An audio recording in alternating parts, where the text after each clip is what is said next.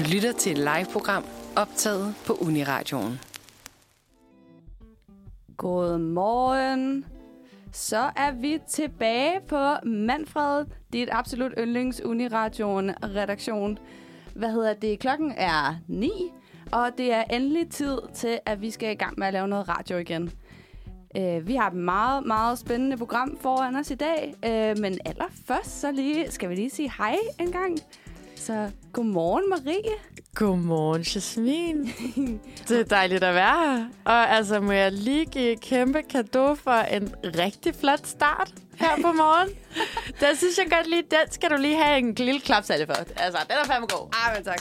Ej, men tak. Tusind tak.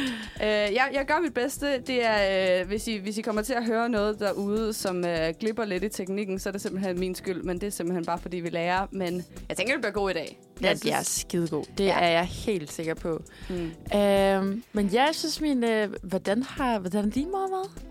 Jamen altså, jeg synes, jeg siger det samme hver eneste gang, jeg er her. Men det er bare fordi, det er bare aldrig fucking nemmere bliver, altså, det bliver bare aldrig nemmere at stå tidligt op, tror jeg. Nej. Jeg synes simpelthen, at det er øh, noget af det allersværeste, jeg skal gøre. ja. Men øh, det er virkelig rart, og jeg synes, at jeg har lært, at når man er så tidligt oppe, så får man virkelig også noget ud af dagen. Det gør man Det er bare. virkelig skønt. Så jeg glæder mig til at være, være fucking produktiv i dag, fordi jeg bare har været mega tidligt op og bare overskudsmenneske. 1, 2, 3 A-menneske, det er fantastisk. Det er så dejligt. Ja, tak. Hvad med det dig da? Jamen, altså, som jeg siger, det er fandme hårdt at være en B-menneske girl i en A-menneske world. Mm-hmm. Men altså, jeg synes egentlig, jeg har haft en, øh, en fin morgen. Øhm, jeg kan godt mærke, at, øhm, at jeg er lidt i eksamensmode. Mm. Øhm, og det er jo også noget, som vi skal snakke mere om i dag. Men jeg tror bare, det der med, sådan, når man er så meget sådan, i eksamensfokus, så bliver det nogle gange lidt svært at rykke det. Men der synes jeg netop også, at man har brug for de der afbræk. Lige gør noget andet. Se solen stå op. Alle de der ting. Og det har jeg gjort i dag. Stod op og så en dejlig solopgang. Yeah. Sådan hen over stationen, da jeg skulle med toget. Og så har jeg jo fundet ud af, at noget, der sætter virkelig gang i min krop, det er at høre, høre techno på vejen. Nå, så den var bare fuld. så er du fandme også i gang. Fandme i gang. Ej, Og så, fantastisk. så har jeg jo bare... Øh, altså, jeg glæder mig altid til at skulle have Jeg synes, det er hyggeligt, og, øh, og jeg synes også, at der kommer til at ske spændende ting i dag. Ja, Øhm, men jeg håber da så, at når nu det er dig, der er i eksamensmode, fordi jeg, når, Mhm. jeg når den ikke helt før, at, øh, før i januar. ja. Øh, hvad hedder det? det? Jeg tænker at du kan få noget ud af det i dag. Uh, altså, det kan jeg helt sikkert. Uanset hvad, så synes jeg, det er dejligt at dele øh, tanker, følelser og erfaringer omkring det her med eksamen, fordi det kan godt være en svær tid. Og det er især en svær tid for nogen. Øh, man kan sige, nu er jeg jo for eksempel ikke en, der er sådan synderligt ramt af at, at blive sådan nervøs i eksamensperioden. Øh, jeg tror, at øh, måske er det, fordi jeg har sendt meget radio. Ja. så, bliver man, så bliver man rimelig hardcore til det der med at stille sig op og snakke. Øh, og så tror jeg også bare, for eksempel lige nu, det er sådan en hjemmeskriftlig opgave, så det går stille og roligt. Mm. Men der findes jo mennesker derude. En hel masse unge. Man siger faktisk op mod 20 procent af alle børn og unge lider af det, der hedder eksamensangst. Ja. Og det er jo netop noget, vi super gerne vil sætte fokus på i dag i vores sender. Øhm, for måske lige at finde ud af, hvad er det egentlig eksamensangst, det dækker over? Hvordan kan vi få noget hjælp? Og hvordan kan vi egentlig skildre mellem at være en lille smule nervøs og så have decideret eksamensangst? Ja. Og det er jo så derfor, at vi senere i dag får besøg af psykolog Maja Gilbert, øh, som vil gøre os lidt klogere på det her emne.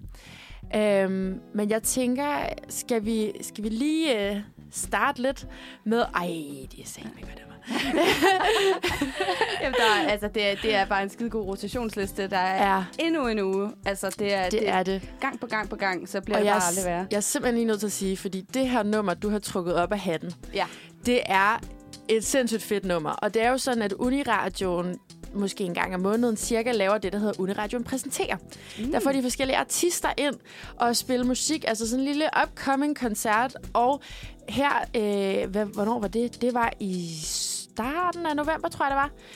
Øh, der var det blandt andet The Jørgen Clubs, Ja. der spillede. Og jeg lover dig for en energi, de bringer på scenen. Og Mm. de spillede nemlig det her nummer som en lille teaser til os. øh, at lige om lidt, så vil det komme ud, og jeg lover jer, det er simpelthen det fedeste nummer nogensinde. Jamen, det synes jeg, jeg synes bare virkelig, vi skal følge dit eksempel. Og så se, om der er andre mennesker som dig derude, som bare synes, det er det fedeste at få skyhøj energi lige fra morgenstunden af, så man virkelig Ja, bare kan få lov til at vågne. Jamen, skal vi så ikke bare gå i gang med det? Her kommer uh, Daddy Was a Player med The Jürgen Clubs. Wow. Så hold da op en energi, vi lige fik Ja. ind i studiet her en gang og ud i jeres ører. Men det er også bare Ja. noget af sådan en kontrast at gå fra sådan fedt lidt rock-nummer til sådan dejlig quiz. Ja, tak. Ej, det var så fantastisk. Så Men- fantastisk. Det betyder jo også bare, at man godt ved, hvad klokken den har slået. Det er Ja, tak. quiz-tid. Ej, men altså, I kender det jo. I kender det jo, alle dem, der lytter med hver onsdag. Der er, altså, der, er, der er sjældent noget, der ændrer sig her i det første segment her, og det er fordi, at vi nemlig skal til vores famøse overskriftsquiz. Det er det, vi skal. Yes. Øhm. Øh, nu er vi jo faktisk kun to i studiet indtil videre. Ja, og det er jo faktisk sådan, det, det er jo fordi, nogle gange så kan det ske, at togene ikke helt virker, alarmen ikke helt virker, eller noget. Så også, når man sender live, så kan, man, så kan man ikke gøre så meget. Nej. Så altså, den kære Mathilde, hun er lige på trapperne, og hun kommer lige om lidt. Øhm, men altså- derfor kan vi jo godt. Jeg synes også, at. Mathilde, hun er virkelig dygtig til overskriftsquiz. Er Så det? jeg tror faktisk, at det er helt okay, at vi starter uden hende, fordi at hun skal nok... Altså, hun, kom, hun vil bare tæve os, hvis hun var her. Altså, jeg. det, der er jeg jo lidt uenig, men det er også fordi, jeg mener, at jeg er verdensmester til at quizze, så jeg tror også, det er, fordi at jeg er verdens dårligste til den her quiz.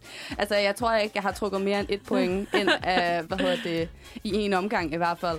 Men altså, hvis man nu skulle være i tvivl om reglerne, så er de jo således, at vi har vores kære redaktionsmedlem Frederikke, tror jeg, der har lavet en lille Jo. quiz til os, øhm, hvor hun har været inde og finde overs, nyhedsoverskrifter øh, på forskellige, øh, me- eller hos, fra, fra forskellige medier.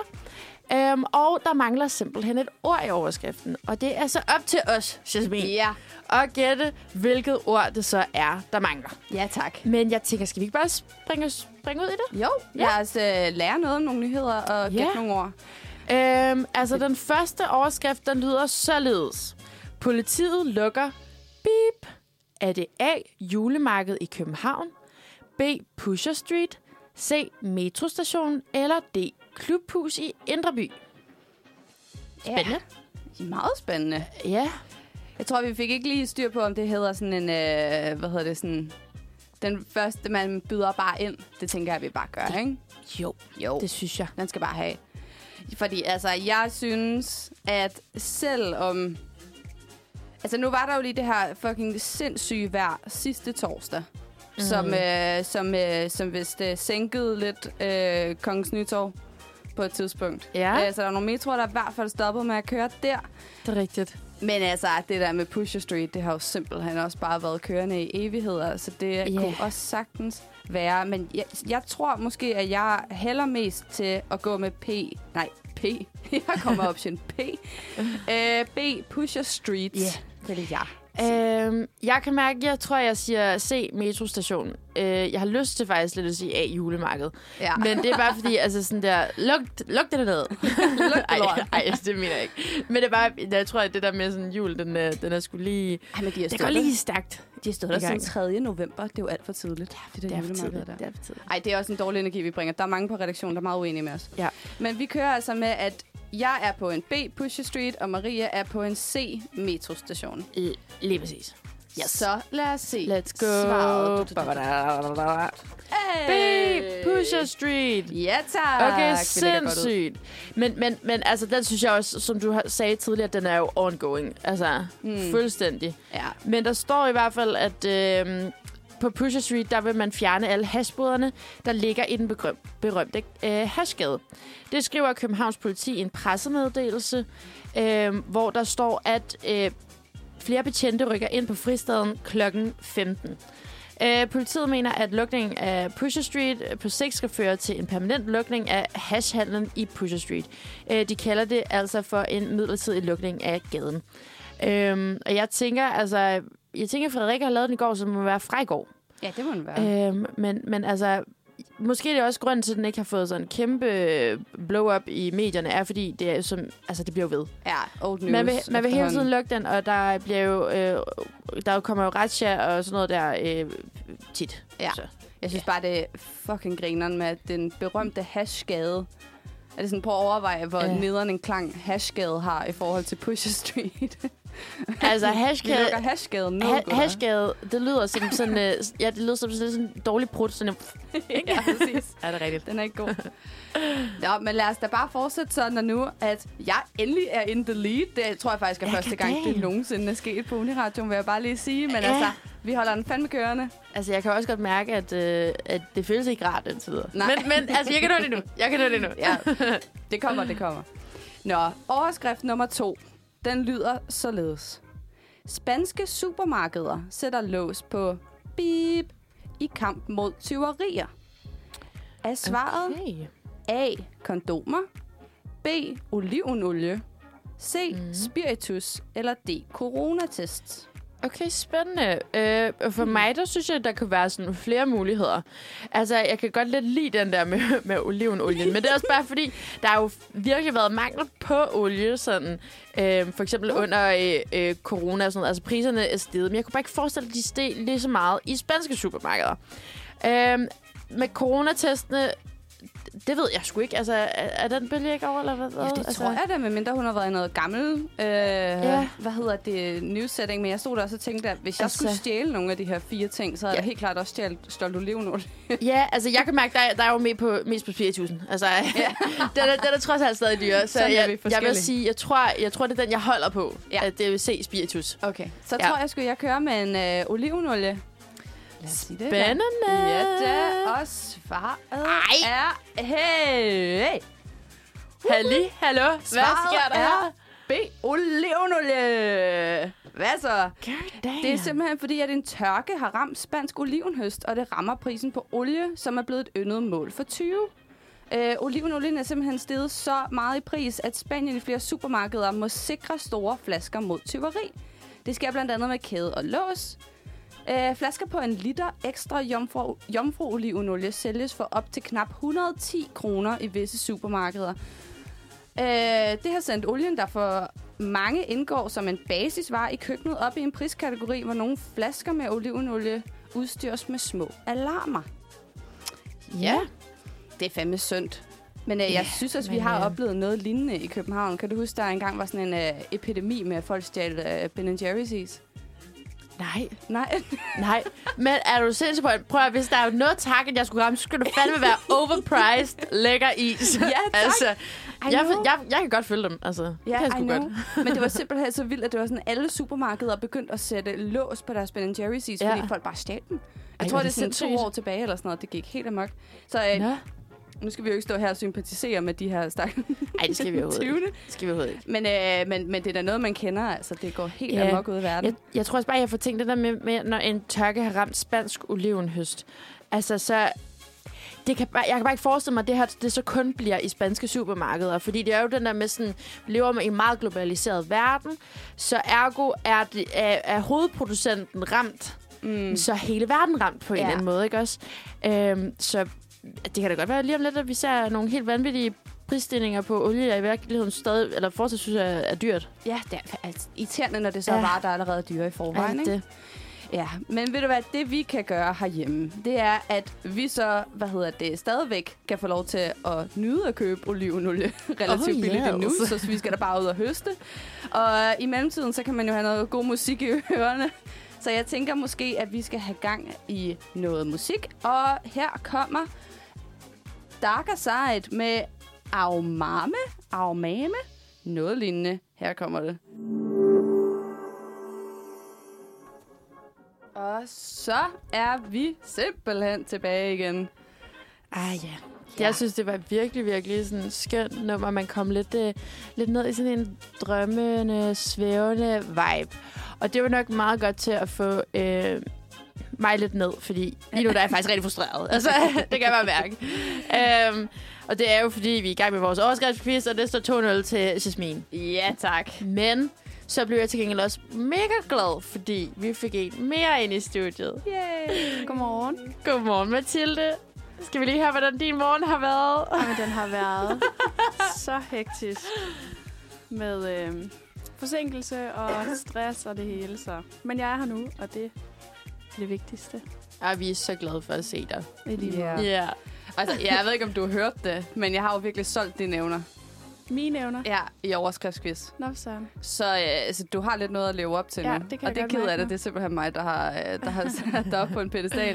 Det må vi se, om jeg kan leve op til. Altså, teknisk set, så kan du godt nå endnu, hvis du får begge to af de næste rigtige, så kan du faktisk godt nå at vinde, ja, hvis det skulle være. Det kan jeg jo faktisk godt. Men øh, jeg tænker, skal vi ikke bare kaste os ud i det? Jeg synes, det er, det er nok også en god måde at komme, komme ægte i gang ind i studiet på. Ja. Øhm, den næste overskrift, den lyder således. Øh, 3.100 flere kom bip i september. Okay, Nå, spændende overskrift. Øhm, er det A til Danmark, B på kontanthjælp, C i uddannelse, eller D i arbejde? Øh, Mm. Ja, jeg tænker... Det kunne, det, Ja. kunne være, det kunne være alle, faktisk på en eller anden måde. Men det er lige før, det, det vil da ikke ligne nogen at være sådan... Det der med 3.100 flere kom i arbejde i september. Og det, sådan, det vil næsten ikke ligne medierne at være Nej, så det er også positive. rigtigt. Nej. Det er altså rigtigt. Men altså, man, hvad med september i forhold til uddannelse? Det er jo der, de starter. Jamen, det var også det, jeg tænkte, faktisk. Øh, men det er selvfølgelig også kontanthjælp til Hmm. Danmark. Men Øh, I september? jeg... Ja, jeg tror bare, jeg siger, at øh, det er øh, 3.100, der kom til Danmark ja. I september. Ja. Ja. Nej, nej, Øh. jeg, jeg fortryder. Jeg siger på kontanthjælp. Nej, jeg kan ikke det. Ja. jeg tror, jeg er på, øh, jeg tror, jeg er på kontanthjælpen. Jeg tror, det, jeg tror, det er, øh, det, det, det, det vil være en meget klassisk overskrift. Ja.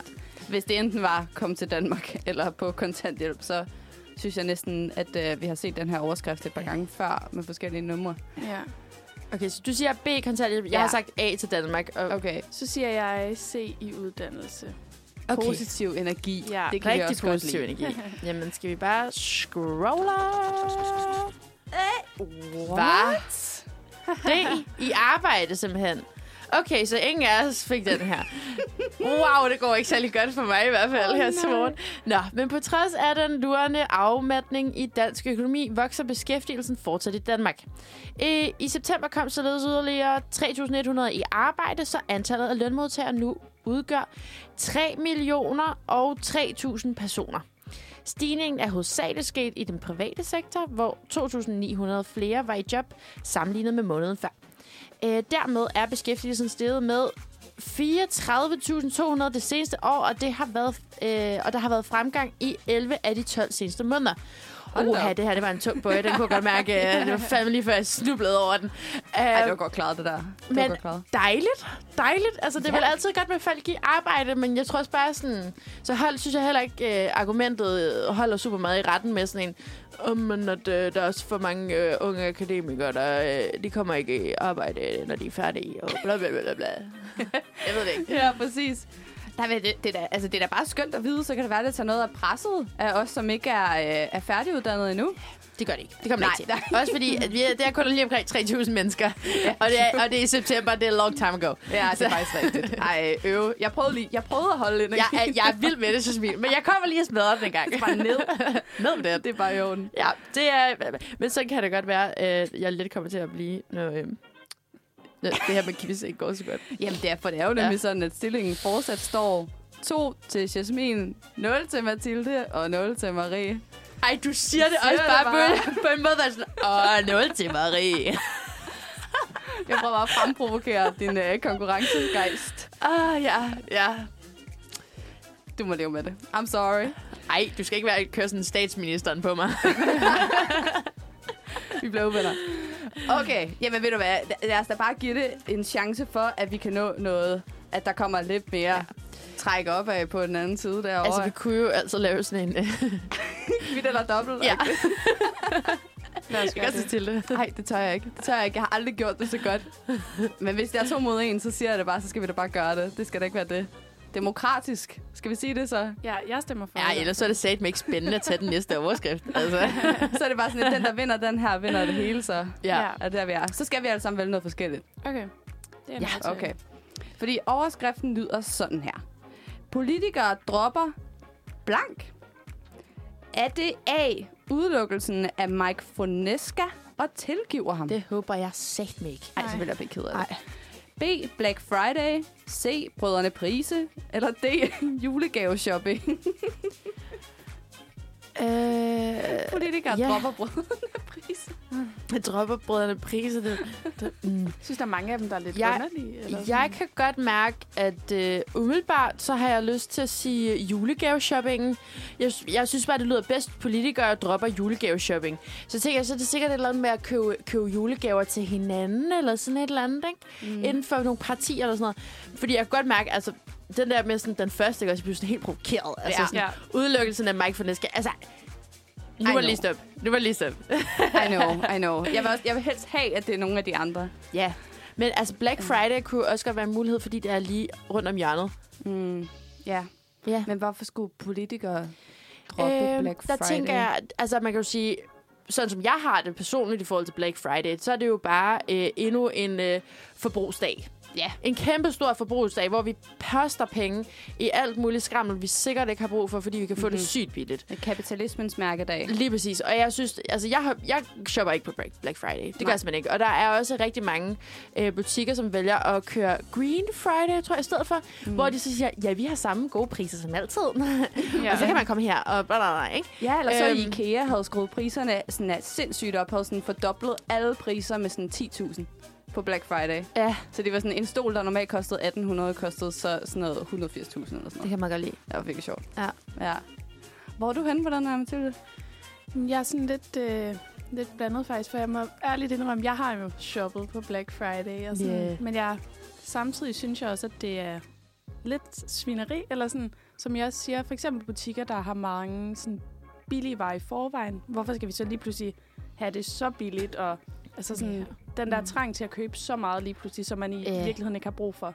Og på den anden side, så har jeg jo også den der med sådan, når alting er på tilbud, og man for eksempel er ung studerende og skal til at købe julegaver lige om lidt, Ja. så kan det også være en rigtig god ting. Altså, så der Ja, er jo det for imod. Ja. Men jeg tror bare, sådan, det kommer an på, hvordan man sådan helt personligt øh, har det. Ja, men Ja. der tænker jeg også, at hvis det er noget, du skal have købt anyway, og Mm. mm. venter til Black Friday, sådan noget som julegaver og sådan noget, så når man ved, at man skal have købt anyway, så synes ja. jeg faktisk egentlig, det er fint nok. Så, skal Ja. den, altså, så, så, Så er gør det jo ikke noget, så er det jo bare dig, der har sparet ja. penge. Ja. Men jeg tænker, nu har vi i hvert fald svar, altså, snakket ja. Så meget om Black Friday, så er der en af jer, der er nødt til at tage den her, så, så Ja. ja. mulighed. ja. Ja, Skal jeg tage den? det må du gerne, hvis du har lyst. det gør jeg. Jeg tager Ej. Black Friday. Ej, jeg synes, det er vildt svært. Var du på ul- julegaveshopping, Marie? Ja, det har jeg så. Så tager jeg af. Så tager jeg den nederen.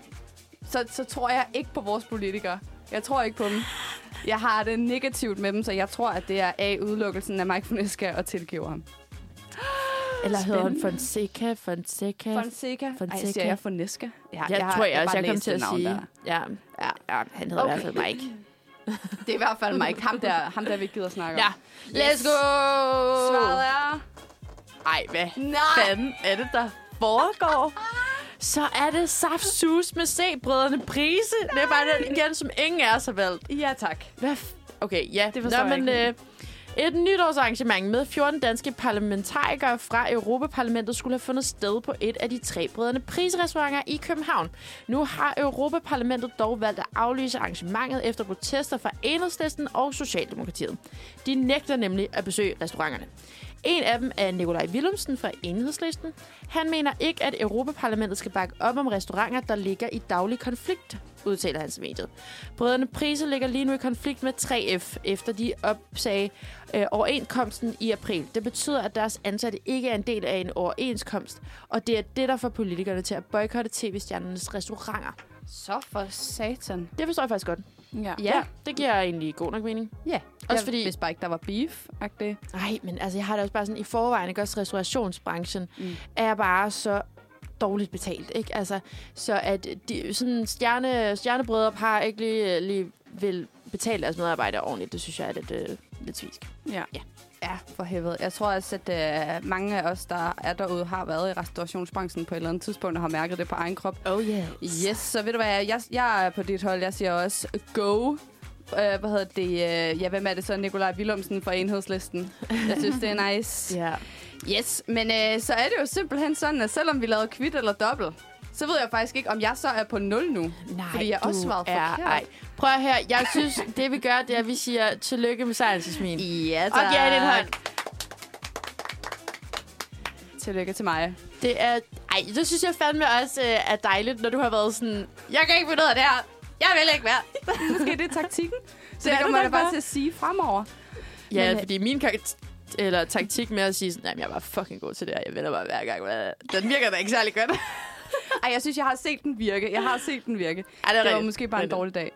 Men altså, det gode ved det her, det er jo, at øh, det er mig, der står på teknikken, så jeg får selv lov til at vælge min egen vindersang. Sejrsnummer. Wow. Så jeg har simpelthen valgt, at vi skal høre 22 Velvet Vampire med 802.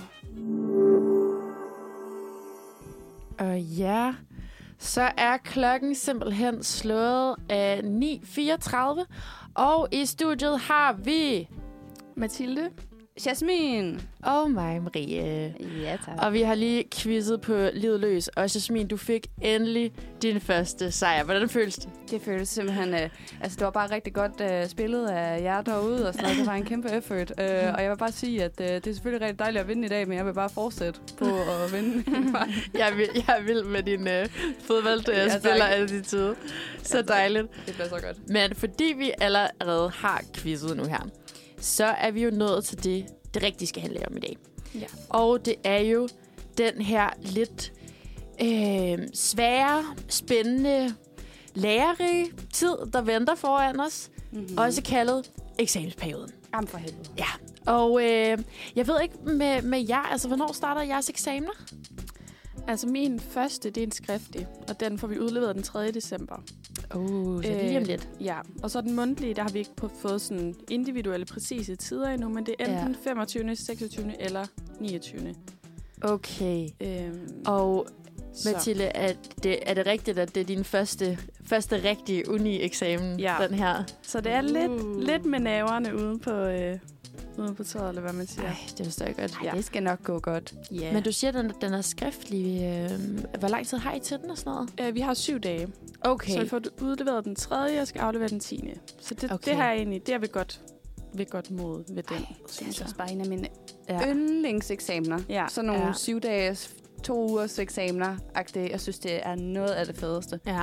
Så kan man også ligesom sådan fordybe sig i det på en lidt Ja. ja. anden måde, end de der Det det. mundtlige, hvor man skal bare ind og præstere med det samme. Ja. Mhm. Til gengæld, hvis man er sådan et menneske som mig, som arbejder nok lidt bedst under pres. Ja. så, så jeg ved ikke, altså jeg sidder jo netop lige nu i sådan en skriftlig eksamen, hvor jeg faktisk har ni dage. Mm. Øhm, og det... jeg synes, det er svært at tage mig sammen. Altså, Ja, det vil jeg bare ja. sige. Fordi jeg har den følelse, ej, ni dage, det er jo sygt lang tid. Mm. Altså, de der 14 tider, jeg skal skrive, de skriver jo sig selv. Mm-hmm. Fuldstændig. Og, øh, og så, så er jeg måske lidt en slow, slow starter, så jeg ved også godt, at jeg kommer til at få sygt travlt her til sidst. Altså, vi har sikkert sådan nogle mega lange aftener Ja. her øh, i starten næste uge, men altså, nogle gange så er det bare, altså, jeg tror også, fordi jeg har læst i så lang tid nu, ikke? Jo. Så er sådan, jeg har affundet mig med. Det er bare sådan, jeg fungerer. ja. Og det er sådan, jeg fungerer bedst, og det, jeg får afleveret, er altid godt. Så det Ja. går nok. Nogle gange Ja. siger man også til sig selv sådan, at jeg ved jo, at jeg får den afleveret. Så jeg kan lige så godt lige hygge mig i dag, og så lige vente Ja. med at skrive den, fordi den skal nok blive Oh, sendt på ja. et eller andet tidspunkt. Det er det. Ej, det er og det. man hader sig selv i de Ja. sidste dage. At man er sådan, at hvis du nu bare fucking Ja. havde sat dig ned og havde Ja. skrevet på noget eksamen, i stedet for lige at se et ekstra afsnit af Gossip Girl, eller whatever. Åh, det, men det føles bare så godt. Ikke? Know, I Men. Mathilde, hvad er det egentlig for nogle øh, eksamener, du skal, du skal have? Altså i forhold til fagene, eller hvad? Mm. Jeg skal op i øh, litteraturanalyse skriftligt. Oh. Øhm, og jeg ved faktisk ikke 100 procent. Jeg, jeg går ud fra, at man får en tekst, man, eller sådan en novelle, eller et eller andet ja. digt, man så skal analysere. Okay. Går jeg ud fra. Ja. Øhm, og så skal jeg op i grammatik og tekst. Grammatik og tekst. Ja, hvor vi skal Damn. lave nogle forskellige analyser af ord og sætninger Ja. og alt sådan noget. Okay. Og der har man så en halv times forberedelse. Det er ligesom, som man kender det fra gymnasiet, hvor man går ind og trækker forberedelse og så ind. Ja. Så øh, ja. det bliver spændende. Det, altså, nu havde jeg, jeg har jo en, en bachelor i både dansk og journalistik. Så jeg har også haft Ja. de der eksamener. Og øh, altså, jeg har så valgt, også fordi på journalistik, der skal man tage sådan, øh, hvad det hedder, et specialiseringsfag. Øh, og der har jeg bare valgt dansk igen. Så jeg har også sådan en litteratureksamen faktisk lige nu. Ja. ja. Men altså, øh, jeg vil bare sige, ej, øh, øh, alt det her med øh, AI, ikke også? Det gør livet nemmere. Ja. Jeg siger det bare. Use it well. It is a weapon. Men nogle gange til lige at sætte i gang. Yes, let's go. Ja. Ja. ja. Ej, men jeg kender også rigtig mange, der er begyndt at bruge det til sådan en... Øh, bare sådan en... øh, Altså, jeg har siddet med den her sætning, og kan ikke Ja. ja. for mit liv finde ud af at omformulere den, så den lyder nice, og bruger det, til det og sådan noget. Det, Ja, Men- men det er fandme en fine line. det. Jasmin fra Schulen. Yes. Du skulle først starte eksamen her i, til januar. Jamen, det Eller er hvad? simpelthen fordi, at jeg er et rigtig smart menneske. Ej, ja. ja. Og det, She cracked the code. She cracked the I code. did. I did. Og det er simpelthen sådan, at jeg har øh, altså sådan, at basically valgt mange af mine tilvalgsfag, som jeg har på det her semester, ud fra, hvad for nogle eksamener det er. Så den ene er en Ja. portfolieeksamen, og den anden er en øh, synopsiseksamen. Okay. Så Ej, det er to ret nemme Ja. med det, eksamensformler. Fordi Ja. jeg skal skrive bachelor næste semester, så jeg tænkte, Så godt. vi har lige en lille hyggesemester. Ja. Ja. Og tager det helt stille Ej, og roligt. dejligt. Hold op, og skal du bare lave meget lækker radio så? Ja, ja, ja, ja, ja. Men det er også det, jeg prøver at trække nogle point ind nu, indtil jeg skal skrive øh, bachelor i næste semester, sådan, når jeg bare kommer til at være fucking presset. Så må vi Ja, så- andre lige tage over. Men jeg Ja, vil bare det sige, så bacheloren, ikke også, den er altså ikke så slem, som man går og regner med. Ej, men jeg synes, Øh. når jeg sidder oppe på skolen med... Jeg havde nemlig heller ikke tænkt, at det var så galt. Jeg var sådan, så... Nå ja, fint nok. Men, sådan, men altså, med de mennesker, der sidder oppe på mit studie lige nu, og sidder og knokler med den bachelor der, jeg ville Mm. ikke være dem for Nej. mit liv. Nej, det forstår jeg sgu godt. I know. Men øh, så er det jo godt, at vi har lidt tid endnu, og hvis man er lidt nervøs for nogle af de eksamener, som vi alle sammen skal op yeah. til, så knokler vi og klarer den senere, når vi skal snakke med en gæst, der kommer ind i studiet. Ja, yeah. Men- og altså, vi skal jo også snakke lidt mere om, om altså, eksamensstørrelsen på en eller anden måde, fordi den kan jo både være, være en fed oplevelse, men det kan også være en rigtig, rigtig skræmmende oplevelse. Ja, tak. Så det kommer vi også til at vende lidt. Ja, 100 procent. Men nu ved jeg jo også, at øh, musik er noget, du bruger rigtig meget, Marie, til, når du kan Ja. være lidt presset. Ej, det, men det er faktisk virkelig sådan en ting, jeg bruger det også. Altså, jeg hører altid musik, når øh, jeg sidder og læser og skriver. Og det er faktisk for ligesom at lukke, lukke lar- andet larm ude. Jeg ved godt, det lyder mærkeligt, ikke? Men det er som om, hvis jeg har den der ligesom kørende hele tiden, så er det som om, det sorterer ligesom det der tankerod, eller det der tankemylder fra, som jeg har, sådan, når jeg sidder og læser og skriver. Og så er det jo også, for at man kan få en lille dansepause. Mm-hmm. Så det kunne ja. vi jo også få herinde. 100 procent. Det kan du tro. Og øh, jeg tror, der er mange andre, der også har det ligesom dig faktisk med musikken og sådan noget. Altså, mm-hmm. jeg synes, jeg kender mennesker, som er præcis på samme måde. Og så er det jo passende, at den sang, vi skal høre nu, det er Er det bare mig? med William Kvist. Så Ja, tak. den kommer simpelthen her. Så skal jeg også lige huske at tænde på mikrofonerne en gang, ellers så får jeg da ikke hørt noget som helst. Men det vi i hvert fald lige fik hørt, det var et sindssygt fedt nummer af William Kvist. Er det bare mig? Det var det. Og, øh, og der fik, øh, fik vi jo ligesom snakket lidt om før, at, øh, at man kan jo høre noget musik. For eksempel, når man sidder og, øh, og laver eksamen. Øh, jeg har til gengæld også oplevet, at det må man faktisk ikke, hvis man sidder til sådan en af de der øh, fire timers eller seks timers skriftlig eksamen. Det Nej. synes jeg er lidt ubehageligt. Har I, har I oplevet det? Det ved jeg ikke. Jeg tror ikke, at øh, jeg er ikke typen. Jeg kan ikke finde ud af det der med sådan at læse og høre Ah. musik samtidig. Okay. Det distraherer mig enormt meget. Ja. Så, øh, så jeg tror aldrig, jeg har prøvet. Nej. Men det kan da godt være, at jeg skulle, hvis det bare virker. Men jeg, måske virker det for nogen. Jeg har for eksempel også en veninde, hun hører øh, kun jazz, Mm. fordi øh, så slipper man for rigtig meget øh, tekst. Ja. Og det der med sådan tekst, det bliver også noget, noget mere konkret, måske man skal forholde sig til, end, øh, end bare sådan noget lækker instrumental. Mm. Men øh, ja. 100 procent. Men i hvert fald, øh, der er forskellige måder at, at skulle arbejde til eksamen, men jeg tror, at nogle gange, så kan man også godt opleve, at måske den taktik, man har lagt for, hvordan man vil lave den her eksamen, den, øh, den fejler. Eller mm. Mhm. også er den bare gået skide godt, og lige pludselig står man og har en mega fed oplevelse i bagagen, fordi man virkelig bare har raised above hele eksamensræset på en eller anden måde. Ja. Og vi har i hvert fald sådan snakket om, at det kunne være lidt sjovt at tale om nogle af de her lidt sjove, eller skræmmende, eller udfordrende oplevelser, vi har haft med eksamen. Ja. Men øh, altså, Jasmin, har du, øh, har du nogensinde øh, sådan en, en, haft sådan en eksamensoplevelse, som virkelig har sat sig i din hukommelse? Ja, og altså sådan, jeg tror, at altså, man kan stille alle, der har studeret på et eller andet tidspunkt. Altså sådan, ikke engang studeret, faktisk bare folk, som har gået øh, folkeskolen igennem. Altså, der har en oplevelse med en eller anden eksamen, som, som bare har sat sig. Øhm, men ja, jeg tror... Øh, hvad hedder det? Den, det eneste, jeg sådan lige kommer til at tænke på, når jeg har Fordi jeg er nemlig også... Jeg er ret meget ligesom dig, Marie. Jeg, er sådan, jeg har det ret fint med mundtlige eksamener. ja. Så sådan, og det er jo ofte der, hvor man bliver nervøs. Ja. Og, og sådan, så når man har en skriftlig eksamen, så er det bare lidt noget andet. Altså, så kan man godt Ja. være nervøs for udfaldet, når man har afleveret den, men man har ikke den der, det der pres, den der sådan, Mm. det vi kommer til at kalde angst senere, og det, der bare sådan kommer altså, helt gennemgående igennem kroppen. Den har jeg ikke så meget.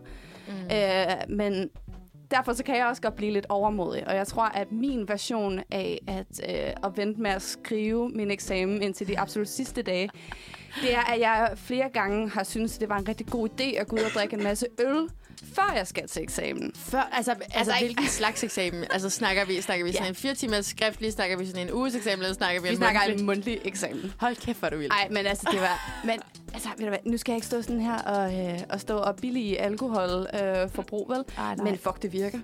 Det virker så meget. Og Altså, have bare lige en lille bit, det, det er det faktisk smule rigtigt. tømmermand. Det er faktisk rigtigt. Det, altså, jeg skulle jo til øh, eksamen under Roskilde her sidste gang. Ja. Og det kan faktisk noget. Ja. Det kan faktisk virkelig noget. Man bliver så rolig. Man er bare sådan helt... Nå, men altså, det er fint nok. Og sådan, jeg kan jo ikke forvente så meget af mig selv, fordi nu var jeg jo lidt en hat, der gik ud og drak nogle øl i går. Så sådan, jeg kan ikke have de samme krav til mig selv, som jeg normalt vil. Så man er bare Okay. sådan lidt... Så der bliver måske Ja. også faktisk skruet ind for den der indre kritiker, man har. Fuldstændig. ja. Fuldstændig. Og jeg kan bare kun anbefale det. Så altså, jeg skulle til en erhvervsøkonomi-eksamen i gymnasiet. Øhm, Okay. og jeg, hvorfor Er det jeg sådan har... et tilvalgsfag, Ja, egentlig? det er sådan okay. okay. ligesom, at du Ja. ja. kan læse... Øh, så, øh, det var, fordi man kunne vælge at hæve et fag, eller så kunne man Mm. tage et nyt C-fag, eller et eller andet. Og hvis jeg ikke tog erhvervsøkonomi, så skulle jeg have haft øh, matematik på B-niveau, og det kunne jeg ikke lige overskue. så, øh, Forstår. så jeg, jeg, jeg tænkte... Godt lavet. Ja, præcis. Og jeg tænkte, erhvervsøkonomi, det er bare mig. Øh, og det er det overhovedet ikke. Øhm, og så derfor så var jeg også sådan lidt, fuck den her eksamen. Der var jeg ved at drikke nogle øl øhm, dagen inden. Men øh, det endte faktisk med, at jeg gik op til den eksamen, og det gik så fint. Og jeg endte med at få 10 til den her eksamen, selvom Ej, jeg bare... god. Altså, ja, I know. Ej, hvor altså, fedt. det var så fedt. Og det værste var sådan til gengæld, at grunden til, at jeg ikke fik 12, det var, fordi jeg fik fucket op i Minerva-modellen. Som der måske er nogen, der kan huske. Med de der, Nej. den der ikke cirkel, er. den der cirkel, hvor man er sådan... Når jeg man, så er der nogen, der er i det grå segment. Nå, men man har også hørt den fra samfundsfærd i folkeskolen jo, jo, ja, og alt muligt. Det ringer faktisk en klokke. Ja, det der med sådan, det er det, det blå segment, og det pink segment, og... Ej, okay, der er nogen derude, der, øh, der ved, hvad jeg taler om. Men ja, det var bare helt blæst, at det var den, jeg fuckede op i. Men, øhm, men ja, det var, det var sådan egentlig bare lige en, øh, en opfordring til, jeg synes, man skal drikke nogle øl, før man skal til eksamen. Tak det. Altså, nu skal vi bare huske på, at det ikke er alle, der har sådan, selv, sådan eksamen superkraft, som jeg tror, du har, Jasmin. Jamen, det tror du har ret. Men, men for eksempel, hvis man bliver meget nervøs, så kan man altså godt lave den der med lige at tage et lille shot ind, hvis det Ja. skulle være. Ja. ja. Ej, apropos druk, det gør de derinde også i druk. Der tager han lige en tår vodka. ja. Nå det ja. forstår man det godt. ja. Men øh, hvad med jer, damerne? Er der noget, der sidder fast? Jeg har faktisk en, ja. Øhm, og det er lidt mere sådan en sjov en. Noget, jeg i hvert fald kan grine af nu. Ja. Øh, det var faktisk også i gymnasiet. Jeg havde matematik på B-niveau nemlig. Ikke noget, jeg Oh, måske yes. skulle have haft, men jeg kunne ikke have det. Same girl. mindre, ja. øh, så jeg skulle op, det var i 2G, jeg skulle op til mundtlig, ligesom for at afslutte faget. Jeg trækker, jeg tror, jeg trækker, hvad hedder det, lineær funktion eller sådan noget. Ja. For det første, jeg har ikke rigtig fulgt med i matematik. For det andet, jeg, altså jeg, jeg, kan, jeg kan overhovedet ikke finde ud af det. så jeg går ind med et mindset om, okay, jeg dumper den her. Ja. Det gør jeg. Altså, jeg kan ikke sige noget. Jeg ved ikke, hvad jeg skal gøre. Så jeg går ind, får sagt lidt hister her. Min lærer hjælper mig ret meget. Jeg kan bare oh, se, dejligt. sensoren sidder bare og skriver ned og skriver ned. Jeg tænker, shit, ja, det går ikke det her.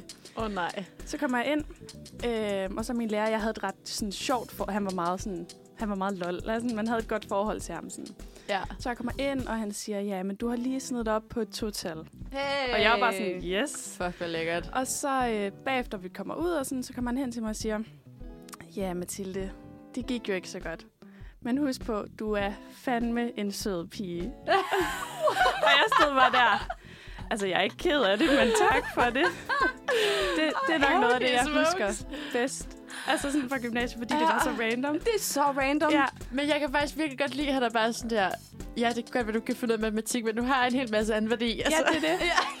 Men sådan, det værste er, at jeg var jo ikke ked af det. Jeg var jo glad for, at jeg havde bestået. Så ja, jeg var det sådan, forstår jeg så godt. Og bare sådan Ja, ja, det er sølle forsøg godt. på at være empatisk. Ja. Og være sådan, nu, Ja. nu siger jeg lige et eller andet godt, og det er sikkert, øh, du, du er måske også meget sød og sådan. Ja. Ja. Det, det er fint nok. Ja. det var, Ej. det var sgu en sjov oplevelse. Og Ej. det griner vi stadig af. Ej, Ja, det synes jeg det også, er jeg så skal. Fuck, Ja. det er sjovt. Og dejligt, du bestod. Prøv at det var Ja. det sgu det vigtigste. Det er det vigtigste. Altså. Ja, tak. Så meget. Ja. Hvad med dig, overskuds, Marie? Øhm, okay, jamen faktisk så... Jeg er glad for, at du siger overskuds, Marie. Ja, tak. Fordi det føler jeg også generelt, at jeg faktisk er. Men jeg har haft en eksamen, som har været den værste i hele mit liv. altså, hvor jeg har været så meget i underskud. Men det er jo fordi, altså, jeg læser jo journalistik. Og dengang jeg læste på bacheloren, der, øh, fordi jeg læser på RUK, så søger man ind med snit. Og ikke til en optagelsesprøve, som man gør på øh, DMJX eller Syddansk. Mm. Øhm, men det vil så sige, at øh, de har ligesom en anden eksamen i løbet af tiden, hvor de ligesom får sorteret folk fra. Øhm, og det er ligesom den, den frygtede syv timers eksamen, som ligger på øh, enten tredje eller fjerde semester. Øhm, hvor man har øh, altså simpelthen skal lave sådan et, et kæmpe eksamenssæt. Øh, man skal sidde der i syv timer, og så skal man skrive to artikler, og det er sådan noget med, altså, du må ikke have mere end 20 skriftlige fejl. Hvis du får det, så dumper du. Okay, det er også vildt. Du må ikke skrive noget, hvor du øh, dagen efter skal gå ud, eller hvis nu du var ansat i et medie, hvis du dagen efter skulle gå ud og lave det, man kalder dementri, altså ligesom sige, åh, oh, vi har lavet et, en, en tastefejl her, eller sådan et eller andet, i forhold til et tal. Hvis man skriver et tal forkert, dumper du. Øhm, og den, det er simpelthen sådan, altså snittet ligger på omkring to hver gang, og, øh, og lige, om, lige omkring 40-50 procent dumper, Ej. første gang de er op. Ja. Øhm, og jeg tror lidt, der havde jeg tænkt sådan, okay, syv timer skriftligt, det her, det, det, det kan jeg godt. Jeg ved, jeg skriver godt. Til gengæld så er jeg jo også bare sådan en, jeg tænker altid helheder. Og jeg vil jo gerne skrive noget, som er lækkert sådan helhedsmæssigt. Så jeg bruger simpelthen så lang tid på at strukturere de her forskellige nyheder, at jeg simpelthen har så lidt tid til at, at rette. Mm. Og jeg kan bare se, sådan, at halvdelen af tiden er gået sådan der, fuck, jeg tror sgu ikke, jeg når det her. Øhm, og så mærker jeg simpelthen, og det, jeg har aldrig i mit liv prøvet at have det sådan i min krop før, men jeg kan simpelthen ikke, jeg kan ikke mærke mine fingre. Og jeg bliver så svimmel, at hele lokalet bare snurrer rundt, Ej. og hjertebanken, og jeg kan slet ikke, jeg kan ikke skrive længere, for jeg kan ikke bevæge mine fingre. Ej. Og hvor jeg bare sådan, føler bare, at hele min krop, den lukker bare ned, og jeg er bare sådan, Marie, du er simpelthen nødt til at sætte sammen lige nu, fordi uanset hvad, så er du nødt til at få afleveret det her. Ja. Du kan ikke begynde at lukke ned nu. Så øh, på magisk vis får jeg afleveret, altså, jeg mener, det er et minut inden, at den lukker. Damn. Øhm, og jeg ender jo faktisk ikke med at bestå. Nej. Jeg ender med at have mere end 20 skriftlige fejl, fordi jeg simpelthen ikke har brugt nok tid til at rette. Ja. Ja. Øhm, og jeg, man får sådan, et, mø- sådan en samtale efterfølgende, fordi de ved, at der er så mange, der dumper. Øh, hvor hun også bare sådan, jamen altså skide gode artikler, der er bare for mange fejl. ja. Så jeg går op næste gang, og, øh, og bare husker at sætte tid af til ret. Og at næste gang, der så var jeg var fuldstændig ligeglad med indholdet af de der artikler. Ej, det, Det var- var... Det var så ligegyldigt. Jeg skulle bare have styr på, at, alle, øh, at der ikke var nogen fejl.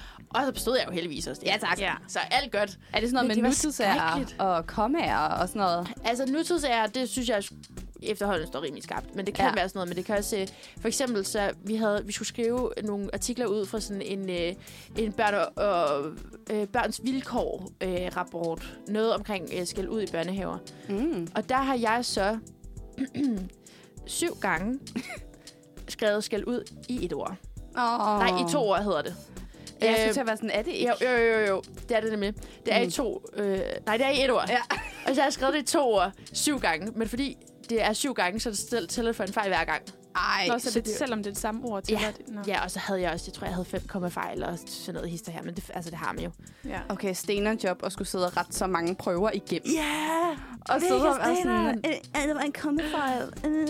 Ej, hvor er det steneren. Mega steneren. Det er ked af. Men faktisk lidt sjovt, fordi jeg har jo, jeg har jo spurgt, om der er nogen ude fra vores redaktion, der vil komme med en lille, lille eksamenshistorie fra, fra deres tid. Og så har Eline, hun har skrevet den her, som jeg synes jeg er lidt grinerne. Hun skrevet, at jeg skulle til min første eksamen på uni. Det var under corona, så det var altså over Zoom. Det var en 24-timers eksamen, og jeg havde først lavet en plan øh, over, hvordan dagen den skulle få, foregå. Jeg ville gå tidligt i seng og være frisk til dagen efter, hvor jeg skulle op. Men det endte altså med, at jeg brugte alle 24 timer. Har aldrig været så træt til en eksamen før. Det var godt, der var over Zoom, så jeg kunne gå direkte i seng bagefter. Ej, det er godt. Ej, Det er rigtig men godt. Skud ud til Eline. Altså, fordi jeg har, jeg har været der. Ja. Jeg har ægte været der, den der, hvor man bare har taget en døgner, fordi man er nødt til få det her Ja, fordi verden, hvad skal man gøre? Du kan jo ikke ligge der i seng og bare være Nej, mega det. stresset over den eksamen, der bare skal ud af Ja, for den verden. skal den skal jo blive Den færdig skal ud. uanset hvad. Ja, ja. Ja. Fuldstændig. Præcis. Jamen, øh, jeg synes, det har været fedt lige at høre om nogle oplevelser her i studiet. Meget. Øh, og så skal vi jo t- bare fortsætte programmet, efter at vi lige har hørt en lille bitte smule musik igen igen. Så her kommer Gå bare lidt med os i. Så var vi tilbage igen. Yes. Tilbage. Præcis. Vi er bare tilbage. Og øh, nu skal vi til at høre lidt om, hvordan man faktisk kan måske gøre det lidt en, til en federe eksamensoplevelse, end det normalt er, hvis man er en person, der sådan, synes, det er lidt en overvældende proces. Ja. Ja. Så også fordi det er det der med sådan... Øhm, jeg tror, man kan godt gøre noget ved sit mindset. Ved på en eller anden måde at sige, okay, nu gør jeg det bedst muligt for mig selv. Laver de, skaber de bedste omstændigheder, og så, videre, så det ikke behøver at blive sådan en, en svær og tung tid. Også fordi, jeg synes altså bare, det er hårdt. Altså, de Mm, der det er eksamensperioder, synes jeg ikke også, Ja. det? Jo, forfærdeligt hårdt. Forfærdeligt hårdt. Det, altså, det allermest stressede, jeg nogensinde er. Altså sådan i dagligdagen. 100. Ja. Men, øh, men, men, sådan, men, men der tænker jeg, der har, der, der har du taget nogle råd med til os, Det har jeg nemlig. Mathilde. Fordi, som vi også lige har nævnt, ja, selvfølgelig kan man jo grine efter de her oplevelser. Man Ja. kan se tilbage på dem med, med et smil på læben. Men det, man kommer jo nok ikke udenom, at det faktisk kan være en stor stress- og nervøsitetsfaktor for mange unge mennesker. rigtigt. Øhm, og meget af det, der ligger i det, kan faktisk godt ligge i ens forberedelse. Altså, hvordan man ligesom forbereder sig til at gå op til den her eksamen. Og så tænker jeg egentlig på, nu har du nævnt det lidt, Marie, med noget musik, men mm-hmm. er der Mhm. sådan en bestemt eller specifik metode, I bruger i jeres forberedelse for at ligesom Mm. komme godt i gang til eksamen? Øhm, altså, jeg vil ønske, jeg kunne sige, at jeg var typen, der var virkelig god til at læse op til eksamen. Det er jeg ikke. Nej. øhm, så, så det gør jeg ikke. Jeg siger til mig selv, at øh, jeg har tænkt mig at læse op. Det får jeg ikke gjort. Og så står jeg der og tænker, ah, det går nok. men, men igen, tager jeg lidt tror på gefylen. Ja, og- det, det gør jeg nok, men det igen, ja. Det er bare, fordi jeg har været op til så forfærdeligt mange eksamener, så jeg er sådan lidt, nah, det går nok. Jeg har også, øh, altså, det er måske bare min egen tilgang i sådan noget. Jeg kan huske, altså, da jeg startede på bacheloren, der betød det rigtig meget for mig at få de her høje karakterer. Øhm, det gør det ikke længere, fordi jeg ved sådan, at på den anden side af, af uni, så er der ikke nogen, der kommer til at kigge på, hvad jeg har fået karakter i, for eksempel det her litteraturkursus, jeg er i gang med at skulle mm. til eksamen i. Nej. Så jeg tror, øh, jeg har sådan generelt sådan en... Øh, jeg siger rigtig meget til mig selv, at så længe du har gjort det, du kunne, så er det bare godt nok. Ja. Altså, og så længe du har opfyldt kravene for opgaven, så er det fint. Du behøver ikke at bruge unødvendig tid på at lave lækkert sprog og sådan noget, fordi jeg er virkelig et sprognørd, ikke? øhm, og alt muligt øh, sjov ballade på den der måde. Altså, det, det må gerne nogle gange være sådan lidt, lidt, lidt halvhjertet, faktisk, øh, synes jeg. Så jeg bruger rigtig meget tid på at, at få mig selv til sådan at slappe af i det på en eller anden måde, for jeg er også typen, der stresser helt vildt. Ja. Altså, fordi jeg gerne vil gøre alting så godt, og jeg gør alting 100%, når jeg gør noget. Øhm, så jeg prøver virkelig sådan en, åh, lige komme ned i min krop. Jeg har faktisk engang imellem gjort det der med sådan at meditere lidt. Mm. Øhm, fordi nogle gange, så kan man godt sidde der og skrive, og man tænker, øh, hele kroppen, den sitter, og man bliver sådan helt, åh, jeg kan ikke overskue det her. Så kan man godt lige meditere lidt, eller tage en velfortjent dansepause. Ja. Ja, tak. Og så har jeg det jo også sådan, at øh, snackings, det er nødvendigt for en hver eksamensproces. Mm. Jeg ved, at hvis den eksamen, jeg skriver, den bliver dobbelt så god, hvis jeg har lidt chokolade ved min side. 100 Og det gør Ja. den bare. Det gør den bare. Ja, Ja, Sådan det det. kommer man ikke udenom. Ja. ja, tak. Hvad med dig, Jasmin? Øh, jamen, altså, jeg tror bare, jeg vender tilbage til de forfærdelige dårlige råd, men som virker for mig. Og det er bare det der med, at jeg skriver bedst, hvis jeg har drukket et glas rødvin. Ikke? Ja. Ja. Og det er simpelthen bare... Det, det virker bare chancen i branchen, sådan ja. Er det. Altså, øh, det, det er sådan en øh, måde at, at lempe sine egne forventninger til sig selv igen, og det er det der, det er det der med, at man bare slapper af. Og så elsker jeg rødvin, altså sådan, så det er jo også bare fedt at have noget Det er jo bare et plus. Ja, ja. Ja, ærligt. Så har man en undskyldning. Fuldstændig. Ja. Men det er jo det, altså metoderne for, hvor- hvordan man forbereder sig bedst, kan jo være meget forskellige og individuelle. Men Mm. jeg har faktisk taget et par få tips og tricks med til jer her i studiet og jer derude, og noget, som også måske fungerer godt for mig. Øhm, og det første er, selvom Marie lige har sagt, at hun fungerer bedst under stress, så er det faktisk at gå i gang i god tid. Mm. Fordi eksamenslæsning, det tager bare længere tid, end man tror. Der er mange af os, der tænker, ah, det skal jeg nok nå, og, sådan, og så ender man i den situation, hvor man står der to dage inden man skal op, og så har man ikke rigtig fået, fået læst noget. Så det vil altså i de fleste tilfælde gavne bedst muligt, at man ligesom går i gang i god tid, i hvert fald lige skaber sig et overblik i, mm-hmm. i god tid. Som fører mig videre til mit andet råd, øh, som er planlæg og skabe overblik over din tid. Og for mig personligt, så hjælper det altid sådan at planlægge min tid. Ikke Mm. mm. nødvendigvis, at jeg sådan skal gå i gang fra dag 1, jeg får opgaven udleveret, fordi der vil jeg også gerne lige finde ro i mig selv og lige finde på plads. Men det der med, at man faktisk sådan... Altså, det der med, at man har de her frie tøjler, kan måske godt nogle gange være lidt svært, især for mig, synes jeg. Ja. Øh, så det der med, at man ligesom konstruerer det ved at skabe et overblik. Jeg er meget sådan visuelt anlagt, så jeg kan godt lide at lave for eksempel et schema eller en kalender, og måske sidde med nogle, nogle søde overstregningstusser og Ja, lige gøre det lidt hyggeligt. øhm, og ligesom på den måde skabe det her overblik, så man ligesom også kan se, at man hele tiden kommer tættere og tættere på målet. Ved for eksempel at lave en kalender, man kan krydse af hver dag, eller, eller noget i den stil. Mm-hmm. Øhm, og ja, som vi også er kommet lidt ind på, forventningsafstemme med dig selv. Hvis du fungerer bedst med mange pauser på en dag, så gør du det. Hvis det fungerer altså bedre for dig og din produktivitet ligesom ikke at holde pauser, så er det det, du gør. Øhm, det handler i bund og grund ligesom om at finde sin egen rytme, og så for guds skyld lade være med at sammenligne sig med andres rytme. Ej, så godt. Ja, Ja. fordi jeg har tit prøvet det der med at tænke, ej, min veninde, hun har skrevet fire sider, jeg har kun skrevet en. Fuck. Altså sådan, Mhm. mm-hmm. Men det kan jo bare være, at hun de første dage skriver vildt meget, og så slutningen på, på eksamensperioden skriver hun ikke så meget, hvor det måske kan være omvendt for mig. Så derfor er det bare så vigtigt, synes jeg. Ja. Hvilket også fører mig frem til et samlet råd, som jeg har skrevet, som er bare hyg med det. Altså sådan, Ja.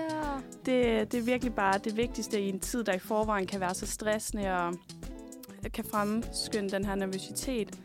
Så bare ikke være så hård ved dig selv og hygge med det. Tænd et lys, eller spis noget chokolade, drik noget rødvin. Ja. Gør det, der ligesom gør dig gladere. Ej, hvis der var et tidspunkt, hvor du bare har lov til at spise lige hvad end du vil, Ja, gør lige præcis, hvad du vil med den her eksamen, så skal du bare gøre det. det altså, nu er det jo også univær på, hvor man Ja. også godt må have sin egen stemme, og det hele ikke skal være så sort-hvidt. Det. og det hele skal jo nok gå i sidste Ja, ende. Præcis, som ja. Ja. jeg har dig selv med på vejen, det synes jeg er et pissegodt råd. Ja. 100 procent. Øhm, og så, det var nogle pissegode råd, men øh, hvis det nu er, at det ikke lige er helt til der, hvor at, øh, at den virkelig kan tage dig hele vejen igennem, så skal vi jo heldigvis snakke med en rigtig sød gæst, øh, efter vi lige har hørt noget musik her nu. ja. Så det synes jeg bare, I skal glæde jer til. Vi skal snakke om noget eksamensangst. Øh, så hvis du er en person, som virkelig dealer med det, og altså, jeg ved ikke øh, om, om øh, hvad hedder det, sådan, nu ved jeg ikke, hvor meget vi dealer med det også herinde i studiet, men jeg tænker, at vi i hvert fald på en eller anden måde har en eller anden idé om, hvordan det ser ud. ja. Så det bliver virkelig spændende. Øh, her til første omgang, så skal vi lige høre en sang, og det bliver Hvor blev hun af med Chris. Ja, så er vi tilbage efter en lille pause. Klokken den er slået 10.12. Og hvis du først er tunet ind på Uniradio nu, så er det simpelthen jeres yndlings Manfred-hold, onsdagsholdet, der er i studiet. Og det er mig Marie. Og mig, Jasmin. Og mig, Mathilde. Og vi kører jo et lille eksamenstema i dag.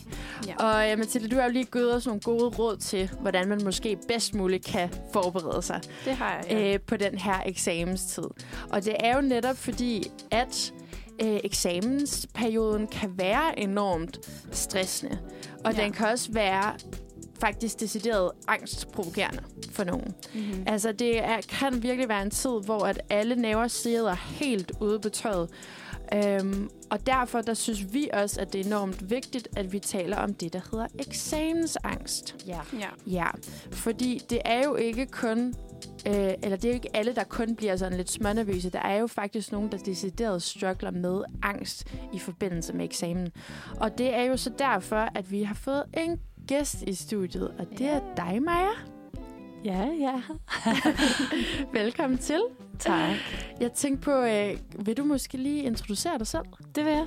Jamen, øh, jeg hedder Maja Vejen Gilbert, og jeg er psykolog og leder af Psykologklinikken Ung Terapi, som øh, ligger inde på Vesterbro, men også flere forskellige steder i landet, og vi arbejder med unge med alle mulige forskellige problematikker. Øhm, mest individuel psykoterapi, men så vi har rigtig meget erfaring med eksamensangst, yeah. blandt andet. Ja. Okay, spændende. Og, og hvor længe har du været der? Jamen, øh, jeg, jeg startede klinikken lige da jeg blev færdig, så det er Okay, okay, 10 år vildt. siden til sommer. Ja, det er virkelig lang tid, synes Ej, jeg. Ja. Ja. Men mega spændende. Mm. Så eksamensangst, det er altså en problematik, som øh, I møder ret meget i jeres arbejde der på klinikken. ja, det gør vi blandt andet selvfølgelig i eksamensperioderne, ikke? Men Ja. ja. ja, det kommer, det kommer i de her tider. Okay. Ej, Men jeg tænkte også, øh, skal vi måske lige starte altså til dem, som ikke ved, hvad eksamensangst er. Kan du så forsøge at forklare os, hvad, øh, hvad det ligesom dækker over? Mm. Jamen, altså, eksamensangst er jo, hvad kan man sige, en angstform, der er meget konkret. Det handler om eksamenssituationen, som man har angst for. Og jeg tror, det er rigtig vigtigt at skelne her mellem at sige angst og være bange, fordi mm. jeg ved ikke, hvem der ikke er bange for at gå til eksamen. Og det måske også nu foregriber også tingene lidt, fordi det tænker jeg også, vi skal snakke om det her med forskellen på eksamensangst og det at være bange for det. Mm. Men angst er jo, når man er, hvad kan man sige, uproportionelt øh, bange for noget, Ja. eller sådan virkelig oplever følelsen af angst, som øh, ikke matcher med virkeligheden. Altså når man virkelig, virkelig øh, har det dårligt over Mm. en kommende situation, og øh, tænker, at der kan gå rigtig mange ting galt, som, hvad kan man sige, slet ikke øh, er realistisk i virkeligheden. Hvad, hvad kan det være for nogle ting, du oplever, folk de er bange for? Nå, jamen, det kan jo være, altså det, eksamensangst er jo ofte karakteriseret ved, at det allerede kan starte, altså klumpen i maven starter allerede nærmest øh, to måneder før, eller det igen, det er meget Okay. forskelligt, ikke? Ja. Men det er jo også der igen, graden af det her, altså hvis det skal være eksamensangst, skal det- er det, er det netop også en ret kraftig grad af ubehag og frygt, man oplever Mm. i hele kroppen, øhm, som så ofte kan komme rigtig lang tid før, øhm, hvor bare tanker om det at skulle præstere til en eksamen, kan gøre en helt dårlig. Øh, men Ja. det er jo også rigtig meget det her med, at man måske øh, bliver ved med at sidde og køre en masse øh, katastrofetanker, som vi jo kalder det, rundt i hovedet Mm. om, at så kan der gå det galt, og så bliver jeg spurgt om noget, hvor jeg ikke kan svare overhovedet, og så øh, glemmer jeg det hele, og så, du ved, alle mulige ting, som nok øh, aldrig rigtig er sket, men som man alligevel bliver ved med at køre rundt i sit hoved. Okay, ja. Øhm, de her katastrofetanker, øhm, hvordan, altså, hvordan kan de for eksempel lyde? Ja, Når du siger det, det ja. her med, det er sådan øh, meget ude af proportioner.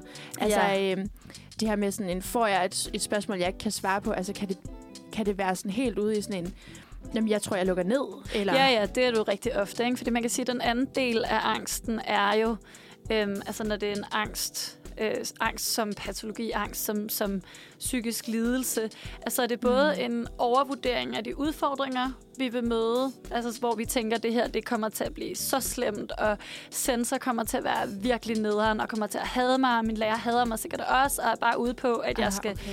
dumpe og alt muligt. Men samtidig den anden del af det, det er en, en undervurdering af ens egne kompetencer. Mm. Så ligesom Mm. mødet imellem de to. Ikke? Ja. Øh, jeg vil ikke kunne klare noget som helst, og jeg kan sikkert ikke huske noget, og jeg kan sikkert ikke svare på engang, hvad jeg hedder, og Mm. alle alle mulige ting. Så det er jo for eksempel også en, en ret almindelig katastrofetanke, det der med, at jeg har glemt alt, når jeg kommer ind. Og Ja. der er også tit sådan nogle øh, tanker myndet på, at man ser synligt nervøs ud, at det ligesom er en skamfuld ting, det der med, åh, så det papir, jeg holder på, det ryster så meget, at øh, det bliver uudholdeligt at være i rummet osv. Ja. Så Okay, men sådan ud over de her katastrofetanker, hvilke symptomer kan der så være? Altså kan der være nogle rent sådan fysiske symptomer? ja, ja, helt sikkert. Altså angst er jo kendetegnet netop ved at være meget kropslig. Mm. Øhm, angst er jo, og det er jo det, der sådan er vigtigt at huske det her, det er jo en, en, et, et almindeligt biologisk respons, som, som vi jo alle sammen har i kroppen, og som er vores sådan, urinstinkt. Det er det første. Angst er den stærkeste følelse, vi har i kroppen, og det er der en god grund til, fordi det skal vi ligesom have for at overleve. Særligt øh, dengang vi var stenaldermennesker, så skulle vi ligesom have det her respons for at løbe fra en løve, eller hvad, hvad det var, vi gjorde. Øhm, så det er en kraftig følelse.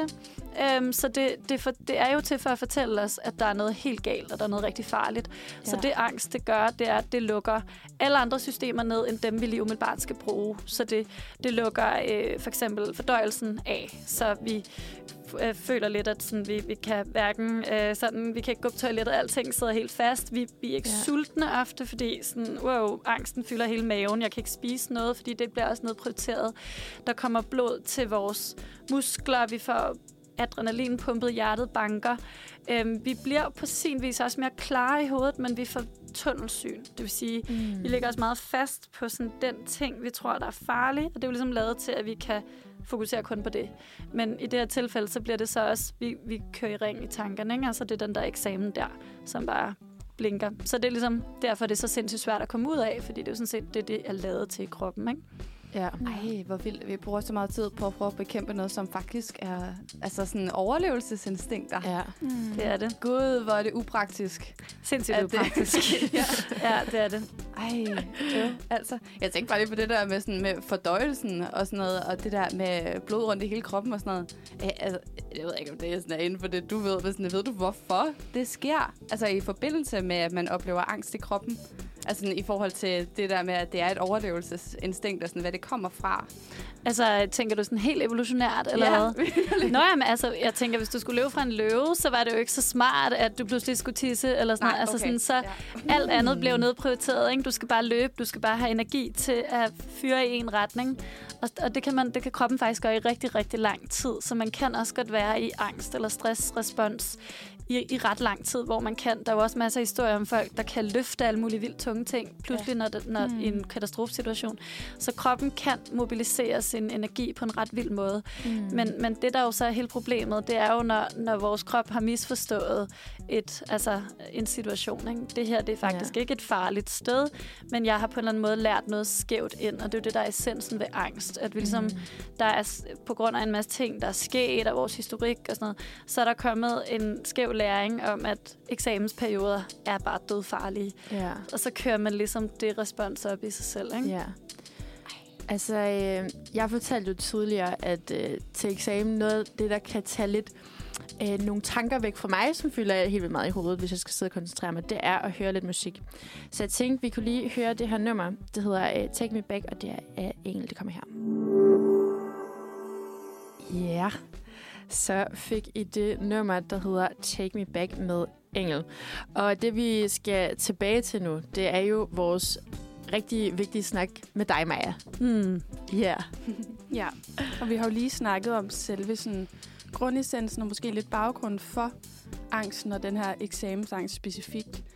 Øhm, men hvordan, eller kan man overhovedet sådan ligesom adskille den her angst fra den ligesom sådan mere generaliserede angst? Mm, ja, det kan man godt. Altså, men man kan sige, at de kan jo også godt hænge sammen. Altså, generaliseret angst er, når man, når man oplever angst for rigtig, rigtig mange forskellige ting. Altså, det, det er jo også der, den kan være lidt mere komplekst, fordi det er der, det bliver mere et sådan, en hvad man skal kalde en, et, en væren i verden, en måde at opleve verden på, altså hvor alting bliver farvet af sådan et ængstligt tankemønster. Mm. Øhm, og derfor så kan angsten poppe frem på alle mulige forskellige måder hele tiden, hvor man kan opleve, at man øhm, at, at det måske man har arbejdet med, eller det er sådan naturligt, at man ikke længere øhm, er bange for at være sammen med sin klasse, eller det har været svært, men så popper den op på et eller andet punkt, hvor det bliver som et stresstegn.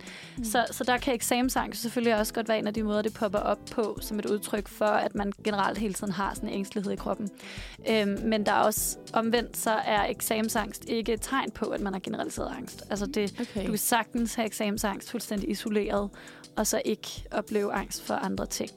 Øhm, så de, de, de kan godt hænge sammen, men det er ikke nødvendigvis, at de gør det. Nej, okay. og nu har vi jo snakket meget om de her sådan, tegn på selve eksamensangst, og ligesom de øh, symptomer, man kan få mm. altså sådan på det. Ikke? Men jeg tænker, at vi alle sammen har sådan, til en vis grad oplevet og ligesom den her nervøsitet, der kan opstå under måske eksamensforberedelse og selve eksamen. Så hvornår sådan, kan man sige, at ligesom grænsen går fra den her nervøsitet til decideret angst for eksamen? Og det er bare et så vigtigt spørgsmål, det der. Ja. Ja. og det er også virkelig meget det, jeg beskæftiger mig med, også ud over at have de her øhm, psykologiske samtaler, fordi at jeg tror, altså jeg tror virkelig i dag, at vi er blevet, fordi vi er blevet så oplyste omkring øh, diagnoser, øh, at vi snakker så meget om den, at det også kommer til at blive det prædikat, vi sætter på det, når der ikke er en diagnose på spil.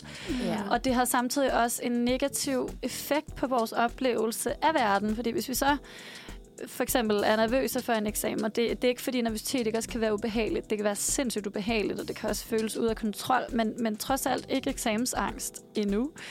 Øhm, så det at, at, at se det som eksamensangst og begynde at snakke om det som eksamensangst, så begynder vi også at spejle os i noget, der er mere patologisk, som egentlig kan få os til at blive mere øh, nervøse og faktisk gå ned i eksamensangst. Så det er jo det, der er sådan Ah. det store spørgsmål. Altså, hvorfor er der måske flere, der oplever eksamensangst i dag? Jamen, der er helt sikkert 100% et ben, der hedder, jamen, der er også måske noget pres, og der er helt sikkert også en præstationskultur, som er Mm. usund, hvor Mm. at, at mange tænker, at de skal leve op til nogle ret vilde standarder, som man måske ikke gjorde for 15 år siden. Øhm, og havde lidt mere sådan, og hvad kan man sige, øh, havde en lidt længere linje at gå på.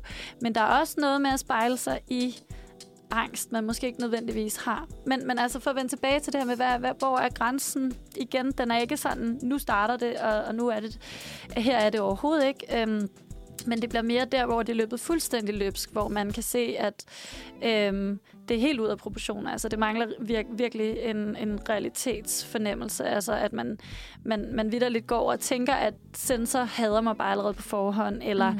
jeg er helt overbevist om, at jeg kommer til at glemme alting. Eller, altså sådan nogle ting, hvor at udefra kan man også godt lige sige, hey, altså det er sådan rimelig vild tankegang. Det plejer du ikke at have. Altså, du plejer at være ja. mere realistisk her. Men også der, hvor at man prøver, altså fordi det vil jeg også sige, og det tænker jeg også, vi kommer til, at hvis man prøver at berolige sig selv Mm. sådan gennem væretrækningsøvelser, man oplever, at det hjælper ikke på en fis. Altså det bliver bare ved, fordi man ligesom sidder fast i sådan en ret katastrofeagtig tankegang, øhm, så er det også der, det nok har udviklet sig til noget, der er større, end man selv ikke kan kontrollere. Men det er et rigtig godt spørgsmål, fordi mm. at det er en hård, altså sådan, grænsen er ikke sådan øh, hård, altså den, den er ret hårfin, og det er også det, vi taler om med diagnosesystemet i det hele taget, at der bliver lige her i den næste, de næste par år i gang med at blive indført et nyt Øh, det er ikke et nyt diagnosesystem, men det er en ny måde at se mentale lidelser på over hele verden, som mere ser det som et spektrum, okay. frem for kategorielt. Så du ved, Det her har du angst, her godt. har du ikke angst. Mhm. Ja, men mere sådan, at man kan have det i større eller mindre grad, og i virkeligheden har alle alting en lille smule, Ja. fordi det er en del af at være menneske og personlighed. Og så nogle gange kan det komme over. Og det kan det gøre mange gange i livet, men det er sådan, man behøver ikke at blive kategoriseret som en, der har angst. Fordi nu kan man sige, nu er bare det her karaktertræk, der sådan ligesom fylder Mm. mere for dig. Ikke? Så Ja. det er også måske en af, altså et håb om, at det afstigmatiserer lidt, Mm. men også måske for en til at ja, identificere sig mindre ja. med diagnoser. Altså, nu sagde du jo det her med, at øh, vi jo også rigtig, rigtig meget bruger øh, diagnoser i vores hverdagssprog. Øh, og at man måske godt ret hurtigt kan komme til at, at tage den der til sig, hvis nu man oplever, at jeg, jeg er sindssygt nervøs om til eksamen, så har jeg sikkert eksamensangst. Øh, har du oplevet sådan i din praksis, at der er kommet unge til dig, som siger sådan, jeg har eksamensangst, men at de nok bare er nervøse? Ja, ja. Okay. det har jeg. Øhm, og det er først og fremmest lidt vigtigt at slå fast, at der kommer ikke nogen til os i ung terapi, som ikke bør være der i den forstand. Nej. Altså fordi selv hvis man øhm, hvad kan man sige, øhm, sætter nogle begreber på ens egen lidelse, som man som måske ikke dækker, ikke er dækkende, så er det stadig et udtryk for, at der er en lidelse, og det er den, vi skal behandle. Det er bare ikke sikkert, det er det. Øhm, men jo, jeg, jeg møder mange, som om det er eksamensangst, eller om det lige nu, der er ADHD ret meget op i tiden. ADD, ja, det er sådan noget, alle synes, de har, eller sætter sådan markader på hinanden.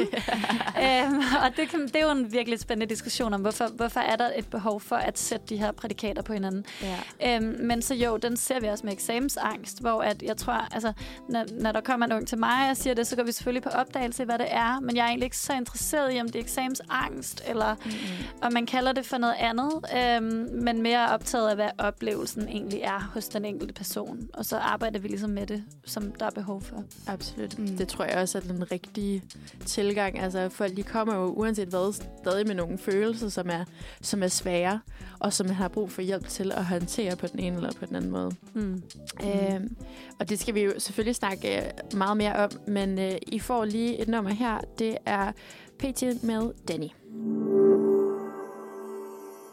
Så PT's sange handler om Danny, og i dag der handler programmet her om eksamen, og vi har besøg af Maja, mm-hmm. som øh, hjælper os lidt med at blive klogere på eksamensangst.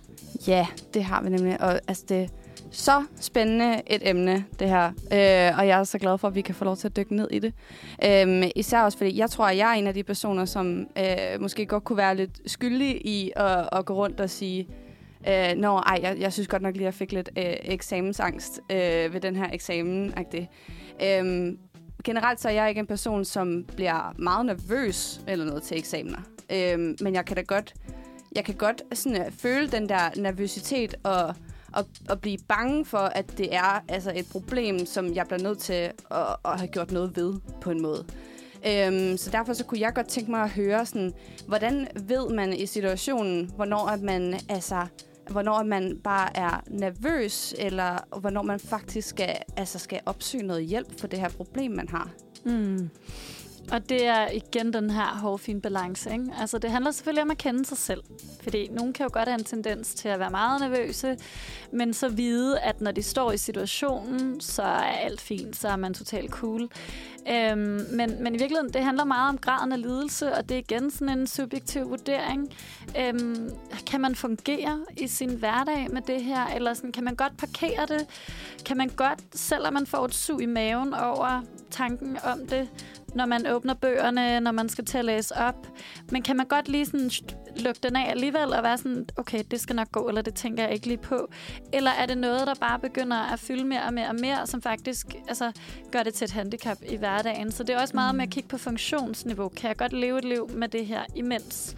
Mm. Øhm, og så er det selvfølgelig også det her med øh, intensiteten af det. Altså når det kommer, er det så ekstremt ubehageligt, at jeg slet ikke kan berolige mig selv øhm, Ja. igennem vejrtrækningsøvelser osv., og kan jeg slet ikke tænke klart, og kan mine venner godt se, du har jo en helt forskruet tankegang, når det er, vi taler om eksamen. Altså det her, det er jo ikke dig. Og det er jo det, man mener med en patologi, altså når det bliver det, det er jo, at det er noget, som er fuldstændig anderledes fra mennesket, som ligesom er kommet ind og overtaget, som ikke bare er en sådan lille gradbøjning, for det kan vi jo alle sammen have, men noget, der virkelig er markant anderledes. Øhm, så det vil jeg sige, det er, sådan, det er det, man skal holde øje med i sig selv.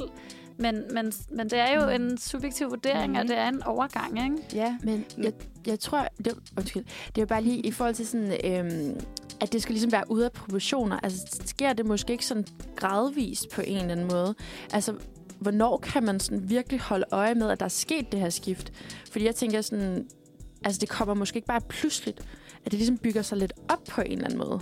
Ja, det gør det. det. Det bygger sig selvfølgelig op, men jeg vil sige, når, hvis man er blevet for eksempel mere og mere overbevist om, at den her sensor, som vi kommer til at have, hun, jeg ved, at hun hader mig, eller jeg ved, Ja. at jeg kan slet ikke... Øh, altså, vi kan ikke sammen, eller hvad end det er. Det, altså sådan, så er vi nemlig ude i nogle sådan lidt forvrænget tankegang, ikke?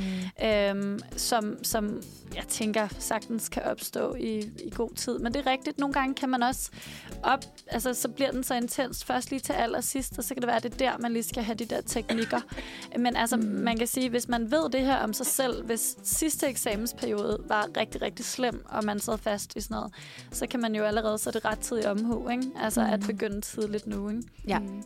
Men altså, er det, er det sådan for groft sagt, at, at hvis man stadig føler, at man kan have en form for kontrol over de følelser, man har, at man på en eller anden måde kan lægge det væk, så er det måske der, hvor at man mere har øh, et problem med noget nervøsitet i momentet, mere end du har altså eksamensangst. Ja, altså det er meget om, hvorvidt du kan rokke på det selv. Ikke? Om det er fuldstændig urokkeligt og rigidt, og det bliver bare ved, og det bliver faktisk forstærket, uanset hvad jeg, hvad jeg gør. Og jeg vil sige meget med angst, så man kan selvfølgelig prøve at tale sig til rigtig mange ting, og det er også måske den umiddelbare første reaktion, man vil gøre. Man vil sidde og snakke med sine venner, og det vil sige, ej, det er ikke så galt, og den her eksamen er ikke så svær.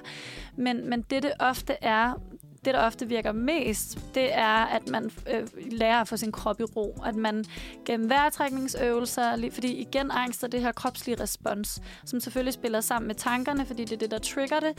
Men når mm. kroppen ligesom er løbet af sted i sådan et respons, så, så kan tankerne ikke tale det ned. Så man er nødt til at gå igennem kroppen, gennem vejrtrækning og afslappning. Okay. Og hvis man selv kan styre det, så, så er man ikke der, tænker jeg. Så, så er man i hvert fald i et tidligt stadie af eksamensangst, og så er det der, man virkelig mega fedt bare blive ved med at øve dig på at tøjle det selv, øh, fordi en psykolog vil gøre det samme ja. med en, ikke? Men så er det sådan et, et, uh, sådan et conundrum-agtigt, fordi hvis man så står, og, og det er fuldstændig ude af kontrol, og man altså ude af sin egen kontrol i hvert fald, øhm, altså hvad, hvad gør man så? Mm. Ja, og det er jo igen det her. Så vil man, for eksempel, hvis man kom til mig, så vil jeg arbejde på nogle forskellige parametre, men jeg vil allerførst starte med at indarbejde øh, vejrtrækningsøvelser, afslappning, ro i kroppen, fordi det er det, man i sidste ende skal bruge, når man oplever angstniveauet. Fordi angst, det har allerbedst af at blive eksponeret. Det vil sige, altså, det, det, det er noget af det, vi har allerbedst evidens for inden for psykoterapi. Mm. Det er, at altså, den måde, vi ved, at angst det øh, stiger, det er, hvis vi undgår. Og det er jo det, der er sådan okay. ved det, ja. ikke? at det er jo det, vi allermest har lyst til, fordi vi tænker, det er sindssygt farligt at træde ind til den eksamen.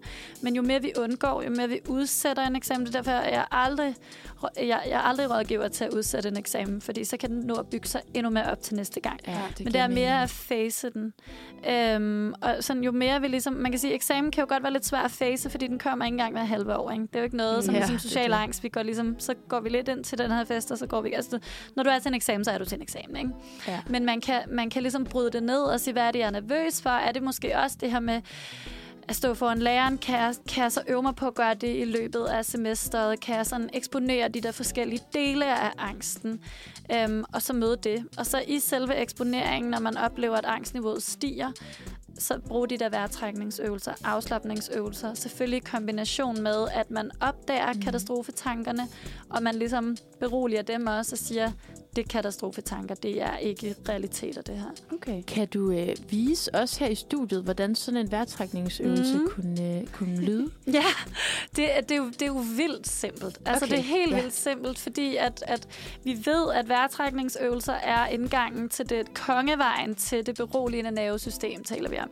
Så uanset hvor aroused man er, hvor sådan meget op at køre man er, så kan to minutters vejrtrækningsøvelse, hvor at man, øh, det egentlig vigtigste, det er, at man tæller tæller på sin indånding. Så man tæller sådan til fem, og så udånder mm. sådan, du ved, bare giver slip. Og så igen, når man kan mærke, at kroppen har brug for at trække vejret, så prøver man at trække det langsomt ind, og så ud igen. Øhm, fordi at, at så får man ligesom hvad kan man sige, nulstillet hele sit system, mm, så okay. sætter man gang i, hvis man gør det i to minutter, hvor man ligesom bare fokuserer på den langsomme vejrtrækning, mm. så sætter man gang i alle de her øh, beroligende øh, sådan, øh, hormoner osv., som er internt i kroppen, men som man ikke har adgang til, mm. når kroppen først ligesom er løbet af sted. Så øh, altså, jeg kunne godt tænke mig at prøve lige bare lige at tage sådan en så ja. den vejrtrækning. Ja. Hvis, hvis nu du, du tæller for mig og ja, viser os, hvordan vi skal gøre, ja. skal vi så, ikke prøve? Jo, det kan vi godt. Så, så stiller man sig lige sådan, man kan jo sætte sig i en behagelig position, eller man kan stå op, men hvor man ligesom bare føler, at der ens krop, ens luftveje, de er frie. Og så starter man med at trække vejret. Er, I, er I med mig, hvis jeg Mhm. tæller? Okay, Yes. så starter I. 1, 2, 3. Jeg kommer helt ned i maven. 4, 5. Og så bare give slip på al luften fra lungerne. Og tøm jer fuldstændig. Og så når I er klar til at trække vejret ind igen, så tæller jeg 1, 2, 3, 4, 5. Og så kan jeg slippe. Og Okay. så trækker I vejret igen. Og Det så er kører I bare. Ej, jeg tror, vi har nogle rolige lyttere nu. Jeg, jeg kan mærke, sådan, mine skuldre kom faktisk lidt ned. ja. Men jeg synes, det var svært lige at, øh, at skulle trække vejret ind så længe. Jeg tror, jeg tager Mm. måske lidt hurtigt Det jeg vejrtrækninger. Ej, men det er, det er det altid lige de første vejrtrækninger. Altså, det er sådan, der findes mange versioner af det her. Ja. Men det er sådan, altså pointen er faktisk bare, at man for, bliver bevidst om, at, at vejrtrækningen skal være lidt langsommere, men så Ja. den også kommer dybere helt ned i maven. Helt klart. Og det kan man gøre nemt ved bare at sætte en iPhone og et stopur, og så kører man bare lige de der øvelser. Man kan også få nogle apps, som taler, øhm, som tæller. Så det er Mhm. ret simpelt. Ej, mega smart. Det tror jeg faktisk godt, jeg kunne gøre, gøre lidt brug af. Ja. Men øh, noget, der også kan være enten afslappende eller give en hel masse energi, det er jo at høre lidt musik. Ja, tak. Så skal vi ikke lige høre øh, Like a Stone med William Torp. Kom her. Ja, og så er klokken simpelthen slået 10.47. Vi står her i studiet, det gode onsdagshold, og har en ret interessant snak om det her med eksamensangst. Mm-hmm. Fordi eksamen, den står lige for døren. Og for nogen, der er det altså bare en lidt sværere tid end for andre. Og derfor har vi dig, Maja, på besøg her i studiet. Mm-hmm. Og øh, vi har jo snakket lidt om det her med, sådan, at man kan, hvis man oplever øh, altså angstlignende symptomer, ligesom at kunne berolige sig selv. Så har vi lige lavet en lille, lille vejrtrækningsøvelse. Det har vi, ja. Er der sådan andre ting, du anbefaler, at, at man gør? Ja, men man kan, altså sådan, det kan også godt være en rigtig vigtig ting at lade sig distrahere, eller sådan distrahere okay. sig fra. Fordi når det netop ofte er katastrofetankerne, der ligesom er motoren i øh, angsten. Altså jo mere man, altså fordi det der, det der sker, det er, at man begynder at få de her katastrofetanker, øhm, så begynder kroppen at reagere, og jo mere kroppen reagerer, jo mere får man katastrofetanker, og så kører det sådan et loop. Så man skal ligesom prøve at bryde kæden et sted. Så det mm. her med at, at gå igennem kroppen, det er, øh, det er altså at vejrtrækningsøvelser, det er ligesom at prøve at bryde den der, bryde responset, men man kan for eksempel også prøve at lade sig aflede. Det er rigtig, rigtig svært, når man allerede er i katastrofetankerne, som jeg sagde før, at øh, sådan prøve at tale sig Ja. til nogle andre realiteter. Ja. Øhm, fordi man allerede er sådan stukket af en anden tankegang. Men sådan noget som at aflede, og øhm, øh, prøv at være med at tænke på det gennem øh, for eksempel at høre en masse musik, komme med nogle nye stemninger. Det igen, det handler om, hvor, hvor langt man ligesom er kommet i det. Men også at at løbe en tur, eller at sådan, der findes nogle apps, der sådan er lavet til, at man sådan, så skal man tælle antal biler på en eller anden billede, og så skal man, du ved, bare så man okay. lige kommer lidt væk, ikke? Ja, Ej, mega fedt. det giver også god Ja, mening. der fik du også lige at vide, at det, er- at det er en god metode, det der med musikken, Maria. Det Ja. var da rart. Men det er også, ja, det, men det tror jeg, det handler mere om at, at tage lidt alarmen, faktisk. Vi har Mm. proppet noget alarm i. jeg, Ja. ved, jeg ved det ikke. Men det er vel det, det er Men- også at distrahere Ja. fra larmen. Men det er inde vel også hovedet. bare som, som altså det her med at flytte, flytte fokus på en eller anden måde. Det giver Ja. da super god mening. Ja, jeg tænker altså sådan, giver det mening? Og sådan, fordi noget, jeg synes, der hjælper mig meget, når jeg er nervøs, det er at sætte noget på, som jeg faktisk kender. Mm. Som i sådan, så kan jeg godt finde på at, sådan, at sætte et eller andet Friends-afsnit på. Eller et eller andet, som jeg bare sådan... Altså, jeg kan alle replikkerne til det her afsnit.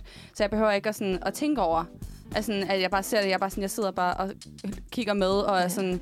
Det her, det er bare altså sådan tom hjerne, der bare... Altså, bare, det skal bare virke. Mm, det kan nemlig også, det kan også være noget selvberoligelse, der kan være noget tryghed, ja. fordi det minder dig om øh, nogle gode tider, det minder dig, altså sådan ting, som ligesom giver en noget omsorg, eller et kram, eller et eller andet. Det er der jo mange forskellige ting i vores mm. liv, der Mhm. repræsenterer. Um, så, så de ting, vi ved, der virker, det er meget forskelligt, ja. men, men bare gør det. Så altså, nu snakkede du også tidligere om det her med, altså at adrenalin pumper ligesom mm. ud i kroppen, og man, altså jeg har jo oplevet sådan der, hvis jeg bliver meget nervøs, så begynder jeg også lidt at ryste, altså man bliver sådan lidt rolig i kroppen. Jeg kunne forestille mig, at det må bare være så gange 10.